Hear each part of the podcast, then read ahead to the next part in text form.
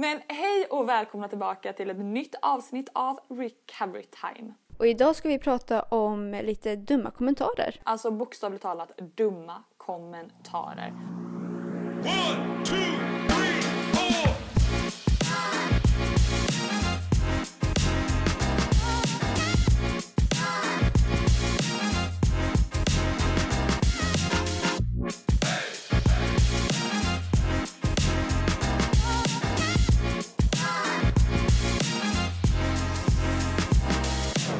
jag skrev eh, ett inlägg om detta i vår Facebookgrupp One Two Free om ni inte är med där. Där jag frågade er om dumma kommentarer. För anledningen till det här är att jag dagligen möter personer som berättar om men verkligen dumma kommentarer. Onödiga kommentarer från omgivning, från nära och kära, från folk på stan. Kommentarer som man ibland inte alls kan göra någonting åt för att det är också livet att få lite dumma kommentarer här och var. Men i en ätstörning så kan de ju många gånger landa jäkligt fel, rent ut sagt. Och jag vet inte hur det var för dig Bex eller hur det är för er som, som lyssnar men för mig så kunde verkligen de här kommentarerna variera från timma till timma, sekund till sekund. För att eh, ibland så gick den där kommentaren, den tog mig inte alls. Sen så kunde det ta två minuter och då, när eh, den andra personen sa en sån här kommentar, då kunde jag bli jätteledsen eller ta, ta jätteilla upp. Så att det varierar ju också beroende på vem det är som säger det, hur det sägs, men vart man själv är någonstans i det. Så att det ligger ju så här, så kontenta med det vill jag ändå också säga att desto bättre man mår och desto friare man blir från sin ätstörning, desto lättare blir det att hantera de här kommentarerna. Men jag tycker ändå att det är ett viktigt ämne att ta upp och bara prata om sådana här kommentarer. Ja men definitivt. För att jag kan även tycka att ibland så får man dumma kommentarer som inte är riktigt mot en själv. Utan faktiskt som man bara hör de andra prata om. Som är liksom, det, det är så pass dumt att det inte är nödvändigt. Eller den formuleringen är verkligen odiskret eller väldigt dietkulturbelagd. Och det är också för att folk i sin omgivning eller generellt i samhället många gånger eh, ja, men inte skäms för att kommentera andras kroppar eller om någon exempelvis har kämpat med att gå upp i vikt så är det som att så här, då är det okej att påpeka en sån sak. Ehm, eller oavsett vikt eller inte, om man behöver gå upp i vikt eller inte så är ändå så här, vid en ätstörning är ofta vikten en um punkt. Så varför ens kommentera överhuvudtaget och varför kommentera någon annans kropp överhuvudtaget? Jag blir...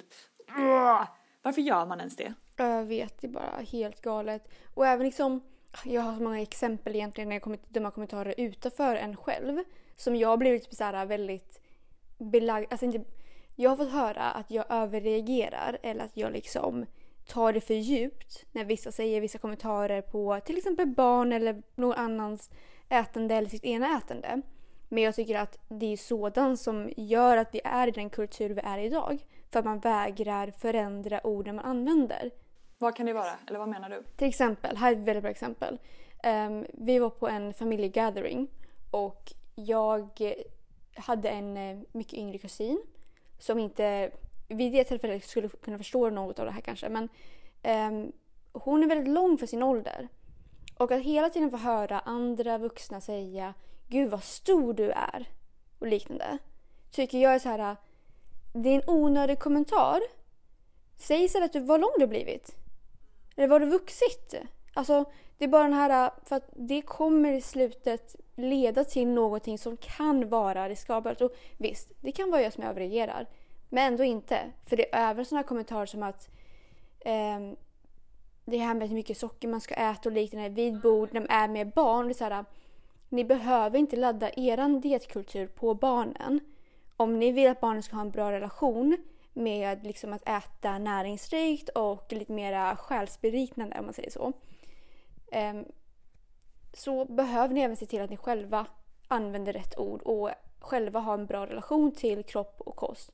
Och inte hantera liksom istället för att säga gud så mycket socker man ätit, nu ska man inte äta på en vecka liksom. Alltså det är ju en dum kommentar. Och jag fattar att det kanske är på skoj eller på sån här att man känner matkoma. Men säg istället då oj vilken matkoma jag är, jag måste nog lägga mig ner lite grann. Alltså det är fine. Ja, verkligen för att typ ta bort, gud jag, bara det enda som slår mig i det här, alltså jag, Filips Philips eh, mormor är fantastisk, jag älskar Gunvor över allting annat. Men eh, hon är verkligen, alltså hur gammal är Gunvor? Hon är typ så 98 bast och pigg som en mört. Men hon kan säga så dumma kommentarer och jag har sagt till henne så många gånger. Och det handlar inte om att jag tar illa upp på de här kommentarerna precis som du säger. Utan att, att jag vill bara så här förmedla att man inte pratar om mat eller kropp på det sättet. Och för senaste tillfället så var vi ute och åt på en restaurang och då hade vi ätit så här buffé, det var så här sushi och thai-buffé. Det är hennes favorit, favorit att gå till när vi hälsar på. Och hon säger det då när vi har ätit upp att så här, åh herregud nu behöver man inte äta mer på hela dagen. Och den här kommentaren säger hon alltid. Och jag vet att hon menar inte det för att det tar två timmar när hon kommit hem och så sitter hon där med Aladdin-asken ändå. Typ så. Eller sina kolor. Eh, Så jag vet att hon inte menar det men jag tycker att det är så onödig kommentar för att vi sitter på en restaurang där massvis med människor sitter runt om. Vi har ingen aning om om det är någon som hör den här kommentaren och vi har ingen aning om vem den här kommentaren landar hos. Och då svarar jag, då säger jag till henne bara så här att men vet du vad, det där är väl en jätteonödig kommentar. Eh, någonting i stil med det. Hon säger så men vad spelar det för roll eller, eller ja, så börjar vi diskutera det. Hon förstod inte, hon bara men, men vad- eller du tar ju inte illa upp och sånt här. Nej men inte jag och det var som att, att bara för att man vet att personer som lyssnar inte ska ta illa upp så är det okej att säga det. Men å andra sidan så vet vi faktiskt inte nu vet ju, varför hon sa det är ju för att hon vet att jag har varit sjuk och att jag har tagit liksom åt mig på de kommentarerna. Men då utgår ju hon då från att Filip och Kristin, hans mamma, inte ska ta åt sig på de här kommentarerna för att de inte har varit sjuka. Nu vet jag ju också att Filip inte tar åt sig på de här kommentarerna eller Kristin. Men rent krasst så vet vi ju inte det. Bara för att de inte har varit sjuka så betyder inte det att de kanske har en dålig dag, de kanske har en dålig kroppsdag. Att sådana kommentarer är så jäkla onödigt att säga och det är som att man måste typ men många, ofta äldre generationen också så här, som kanske äter ett varmt mål om dagen. Det är som att de alltid ska säga åh nu har jag ätit min mål dagen, nu behöver inte jag äta någonting mer. Men vi vet också att de kommer äta någonting mer. Att de kommer äta mackor och yoghurt på kvällen men det låter som att de säger att de inte ska det för att kanske för att de inte räknar mackor och yoghurt som mat. Men det är bara så onödig kommentar. Ja precis för att det är väl, det kommer ju påverka alla yngre också. Och även sådana här kommentarer när man har högtider. För det här kan vi verkligen förstå att det är därför högtider blir så väldigt alltså stressbelagda och liksom väldigt mycket kroppskomplex och liknande kring just högtider och ångest om vad som komma skall. För att när man då hela tiden får höra nej men nu får man liksom hålla i sig lite grann för det kommer bli julbord och liknande. Då lägger man julbordet som någonting som man måste hålla sig i till för att få njuta av. Och det är såhär, men hallå, julbord. Hur många får inte rester över vid julbordet liksom? Om du inte orkar äta, jag vet inte, så mycket som du ville på julbordet, du kan äta det liksom hela veckan efteråt. Alltså det har aldrig varit ett julbord då vi inte har typ två veckors matrester kvar. Nej. Och då är det så här, varför ska du själv ta och liksom gå hungrig tills julbordet för att sedan liksom känna efteråt att du är så proppmätt att det gör ont i magen? Och det säger inte att du inte får göra det. Du får ha så mycket matkommor du vill, på vilka högtider du vill och när du vill. Men gör det inte bara för att du då var så hungrig att du knappt kunde liksom njuta av stunden. För det, det kan jag uppleva, jag upplever själv väldigt mycket när jag bodde hemma och växte väldigt mycket upp i det här att man när det är högtider då åt man typ en macka till lunch eller liksom man åt lite mindre under morgonen för det skulle bli julbord sedan. Och jag kunde även få höra till exempel vid restaurangbesök och liknande att eh, nej men du behöver inte ta någonting nu, vi ska snart på trerättersmiddag eller vi ska snart på julbord eller vi ska snart hit eller dit. Och det blev den här eh, stigman om att okej, jag får inte äta mig mätt nu för jag ska äta mig mätt sedan.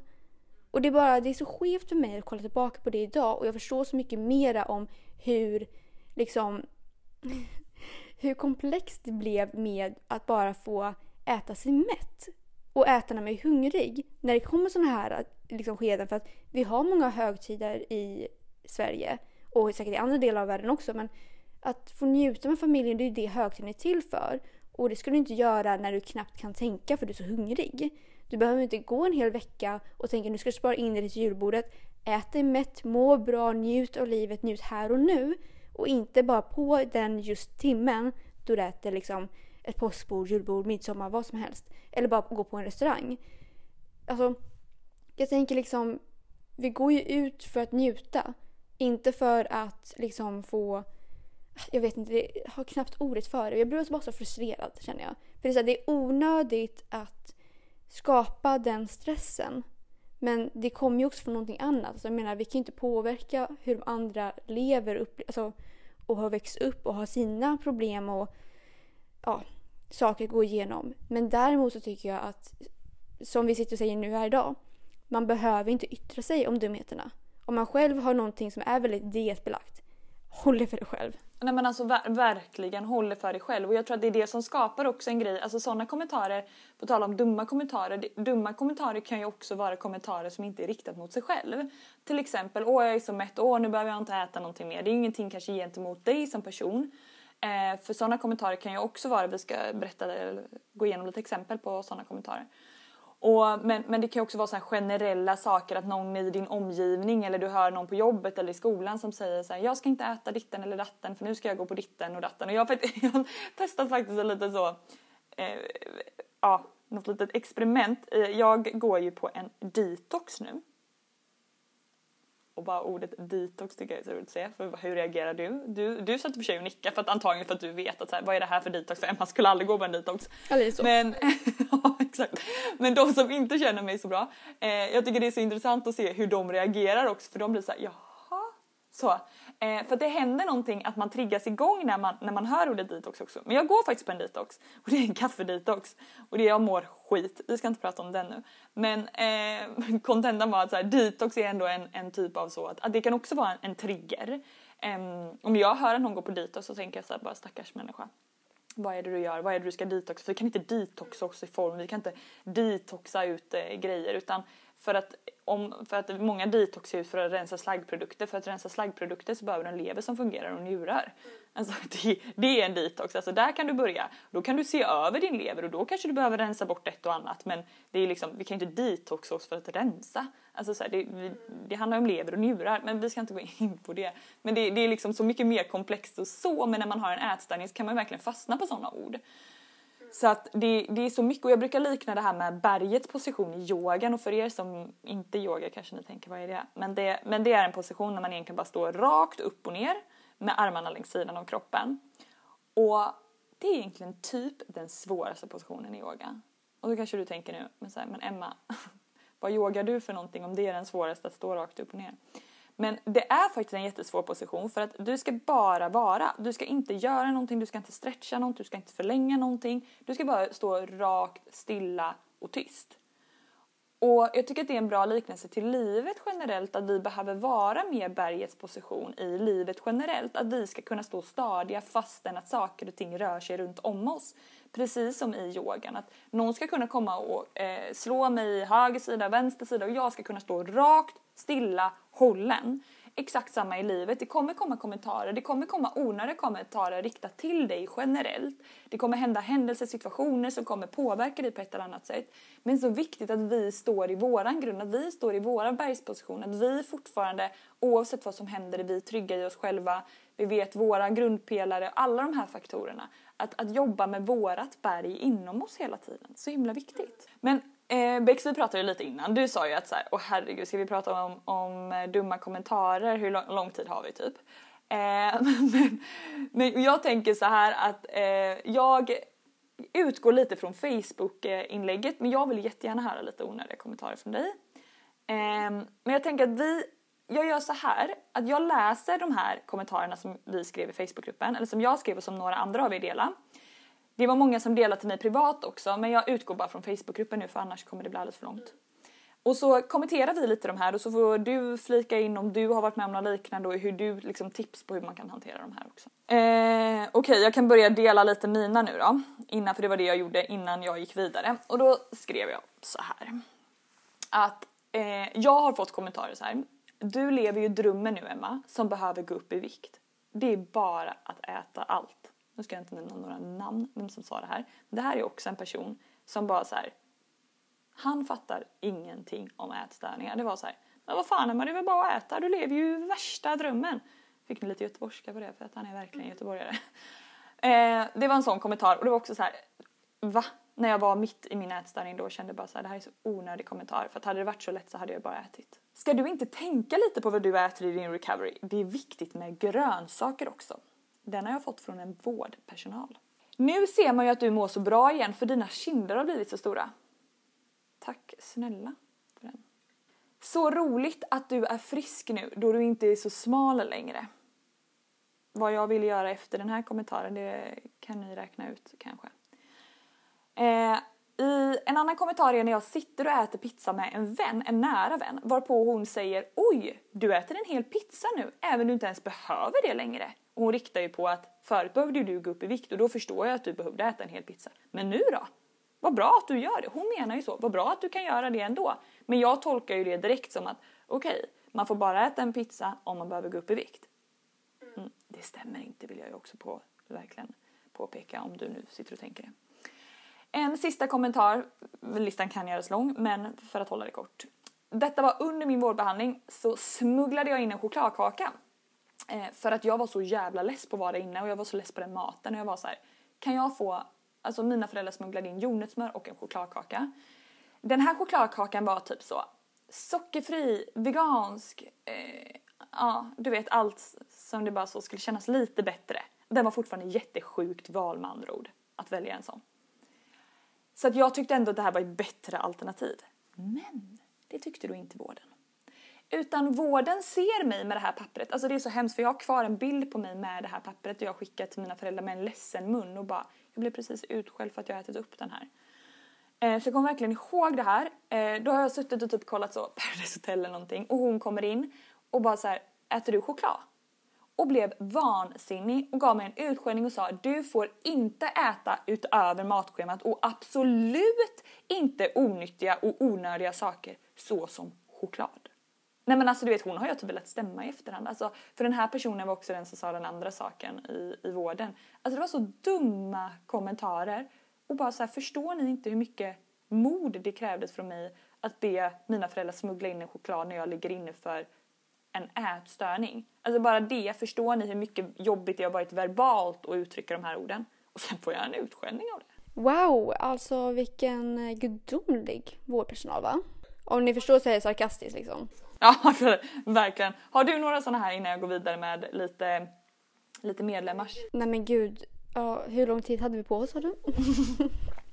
Nej men ja, jag håller mig lite kortfattad. Um, en kommentar jag fick från en väldigt nära var när jag eh, började bli sjuk och fick höra att de inte märkte det för att jag började få ett lite smalare ansikte. Um, och de trodde att jag började bli vuxen för jag brukar ha så runt ansikte. Det tog på mig att få höra att jag har väldigt runda kinder och liknande. Det är inget fel med det, jag älskar mina kinder idag. Jag har ett runda ansikte liksom. Men jag fattar. Eh, Men där och då så tyckte jag att det lät som att okej, för att bli vuxen och få vara kvinna så ska jag ha ett smart ansikte. Ehm, Jag har fått höra kommentarer som att när jag vågade, likt dig, vågade ta och äta någonting som jag eh, inte hade kollat på vad det innehöll. Alltså jag hade inte kollat kalorierna. Det var det här goa knäckebrödet. Du vet det här kanelknäcket när det kom ut. Mm. Ja, oj det, gud Och det jag älskade det och jag hade haft modet att inte kolla baksidan. Jag hade bara tagit det och jag var så stolt och jag kom dit till BUP och bara Jag har ätit det här till mellis och jag är, alltså jag har inte kollat på det. Och det var jättegott. Vårdpersonalen där då. Det är inte tillräckligt. Säger rakt framför mitt ansikte vad det innehåller. Jag åt inte på ett år därefter kan jag säga. Det var när jag var sjuk. Nu äter jag det med glada miner kan jag säga. Det är också en bara en, en liten input på det du sa där. Det är också så här, varför, alltså så här, varför har vissa personer en sån, en sån stark vilja av att förklara vad saker och ting innehåller? Alltså, det var också en sån sak jag kunde få när jag var sjuk och åt saker som mindre hälsosamt innan situationstecken och bara så här, vad bra Emma att du kan äta en sån sak som innehåller onyttiga saker, e-ämnen, socker, mjöl. Man bara, tack snälla för informationen. Alltså det är såhär, va? Jag vet inte vad det är de vill fylla hos sig själva. Men alla är så himla... Alltså varför ska alla vara så detaljerade på vad andra människor stoppar i munnen? Alltså jag tycker, ja självklart man ska ta och eh, förespråka en bra balans men det räcker, alltså, alltså det räcker. Man har inte frågat efter ditt, eh, din kommentar.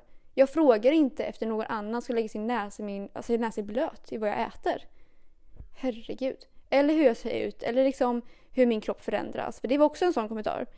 Eh, till exempel, jag har fått dumma kommentarer såsom att eh, Oj, oj, vad du är smal. Ska vi inte ta ett måttband och mäta runt i midjan? Eh, då mådde jag inte så bra och då trodde jag att liksom, ja, jag vet inte vad jag trodde. Jag var ju väldigt sjuk i skallen. Eh, men även andra kommentarer som varit väldigt riktade mot, eh, väldigt likt dig. Att eh, vad kul för dig att du kan äta så mycket onyttigheter. Och önskar också kunna vara i recovery. Eh, andra kommentarer innan jag ens var sjuk. Till exempel, oj att du kan äta så mycket du som är så liten. Väldigt vanligt. Mycket kring att jag är så kort och liten, hade väldigt stor aptit, att det skulle vara något eh, mirakel. Vart går alltihopa? Så sitter jag där vrålhungrig och bara liksom, men snälla låt mig få äta. Det var kanske, om jag kanske hade fått låtit äta i fred kanske det vuxit. Vem vet? Um, bara onödigheter som att... Jag blir nästan bara ledsen att tänka på det. Jag har flera, men jag tänker att vi kanske ska gå till de som vi också fått höra från gruppen. Men vad, vad händer? Du säger att du blir ledsen av att tänka på det. Vad händer hos dig då? Ja, men ibland så kan jag tänka, ifall jag inte hade fått alla de här kommentarerna om mitt utseende och om maten jag åt, kanske jag hade fått ha lite matfrihet under min uppväxt. Um, sen så tror jag att någonting hade säkert slått snett ändå, för det var mycket som jag gick igenom. Men det kanske inte hade gått över maten. Det hade kanske, liksom jag kanske inte hade dragit min egna självbild och vad jag behöver. Liksom, jag kanske hade haft ännu bättre eh, utveckling på min musik ifall jag fick äta som jag ville och som jag behövde. För att jag låg i Reds. Alltså hela min gymnastikkarriär har jag nästan legat på underskott. Och det är ju fruktansvärt. Och det är ganska många idrotter som blir så. Nu går jag in på idrotten så jag ber om ursäkt för det. Men um, det är tyvärr väldigt, väldigt vanligt att man ser sig runt omkring. Och speciellt som idrottare. För att om man liksom är på träning så mycket så behöver man också mycket, mycket mer. Och det är inte, alltså jag vet att det här kan vara triggern för vissa så jag försöker hålla väldigt kort och inte så himla detaljerat. Men en elitidrottare tränar väldigt, väldigt, väldigt mycket. Eh, och det är över, över det normala. Det är inte normalt att träna så mycket. Men går du på elitidrott så gör du det. Men är man i en skola där det är mycket diet och ätstört samhälle så påverkas man. Och det förstör ens idrottande. Och samma sak gäller det för ens egna upp uppväxt och utveckling. Att vara en sån miljö, oavsett om man är elitidrottare eller inte, så förstör det ens ämnesomsättning, det förstör ens självbild, det förstör ens tankar om matfrihet. Att bara hela tiden få omges av personer som, på, alltså, som lägger sin näsa i blöt om vad man äter, hur man ser ut, vad man tycker om, vad man inte tycker om. Ifall man åt en chokladkaka en dag eller en nyttig liksom rawfood boll en annan dag. Det är alltid någon som ska lägga sin näsa i blöt. Och det är så här, men snälla någon. Till exempel du Emma, du får ju massa sådana där Jaha, du äter bara eh, och nyttigheter och hälsokost. Ja, ja verkligen. Mm. Ja gud verkligen vad komiskt att du säger, eller vi pratade lite om det nu när vi var och hälsade på Hilda också. Så sa ju hon det, typ så här, hon bara, jag hade en, vad säger man? För, inte före, inte förebild, vad heter det? Förväntning? Nej, vad heter det? Föreställning? En sån här, ja, förtanke. Kommer inte ihåg vad det heter. Nej, inte förtanke, inte föreställning. Ja, men ni fattar. Hon hade, hon hade en tanke om hur jag åt typ. Och då sa hon att så här, hon bara, jag tänkte bara att du åt bara så antiinflammatoriskt, inget socker. Och nu liksom så att, alltså så här, jag, det var ju, alltså, ja, gud, jag äter verkligen socker och äter verkligen gluten.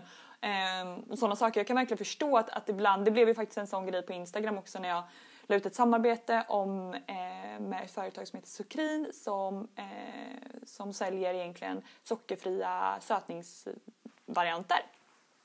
Och för mig handlar det verkligen inte om att det måste vara svart eller vitt. Jag säger inte att jag inte äter vitt socker.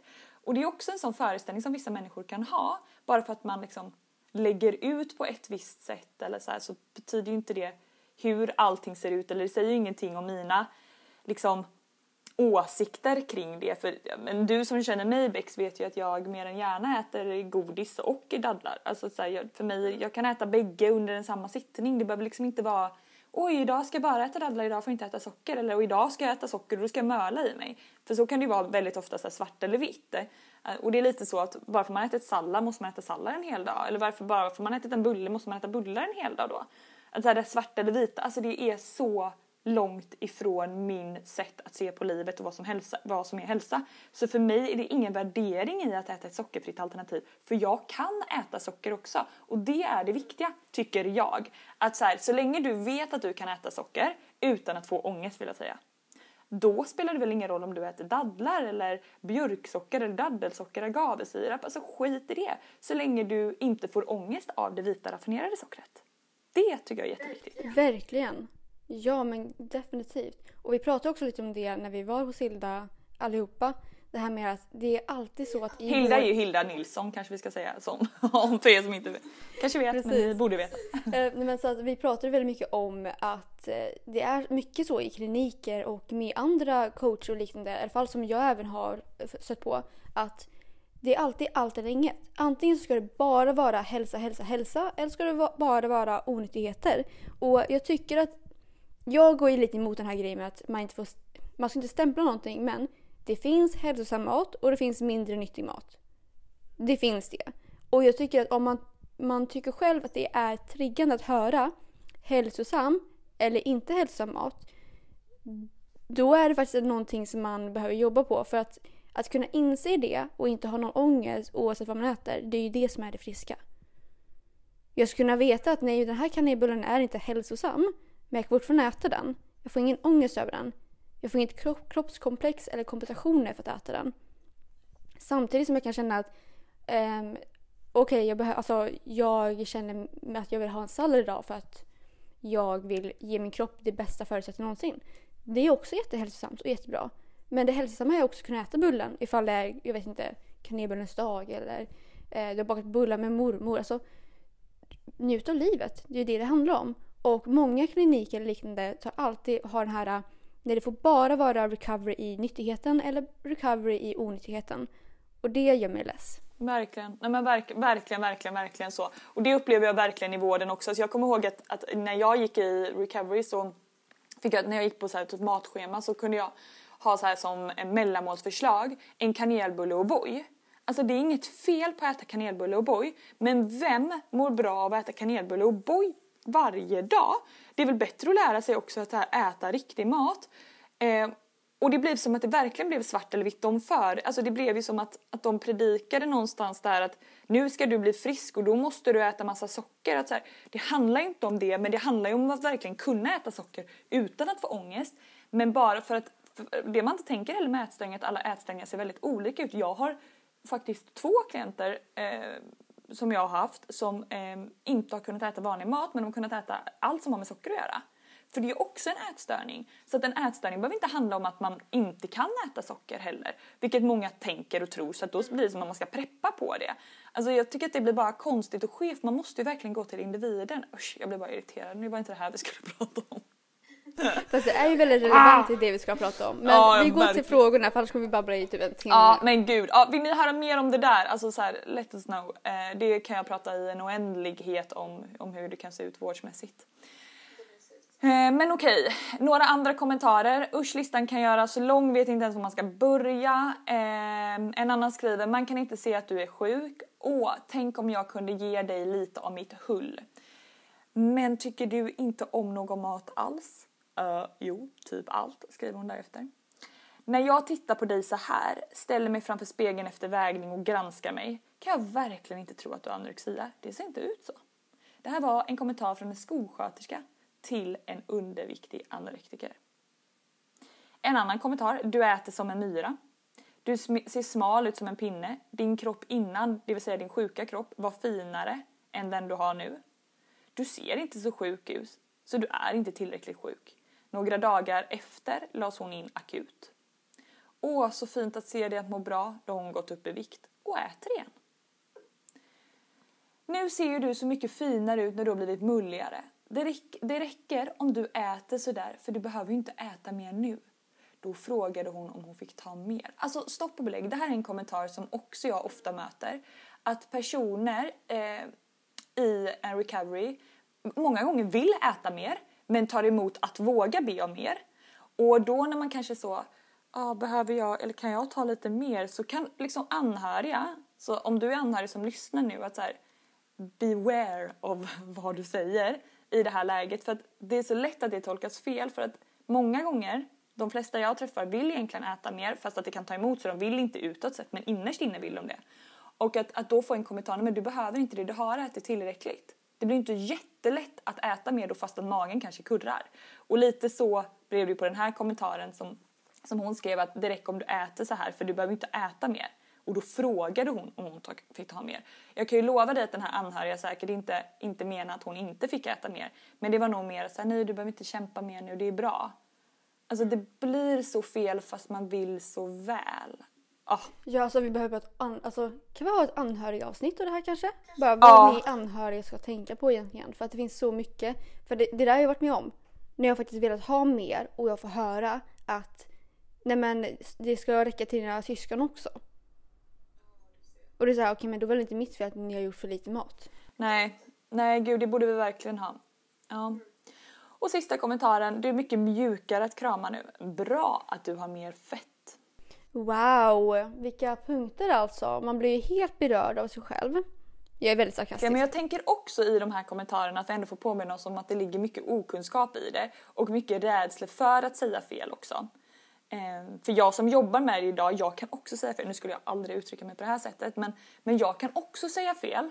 Ehm, för att när man inte är i det så är det lätt att säga fel och, och, och lite så här med en ätstörning så ena dagen så funkar det och andra dagen så funkar det inte. Och, eh, så jag vill också säga om du är anhörig som lyssnar att så här, bli inte rädd och liksom öppna munnen nu.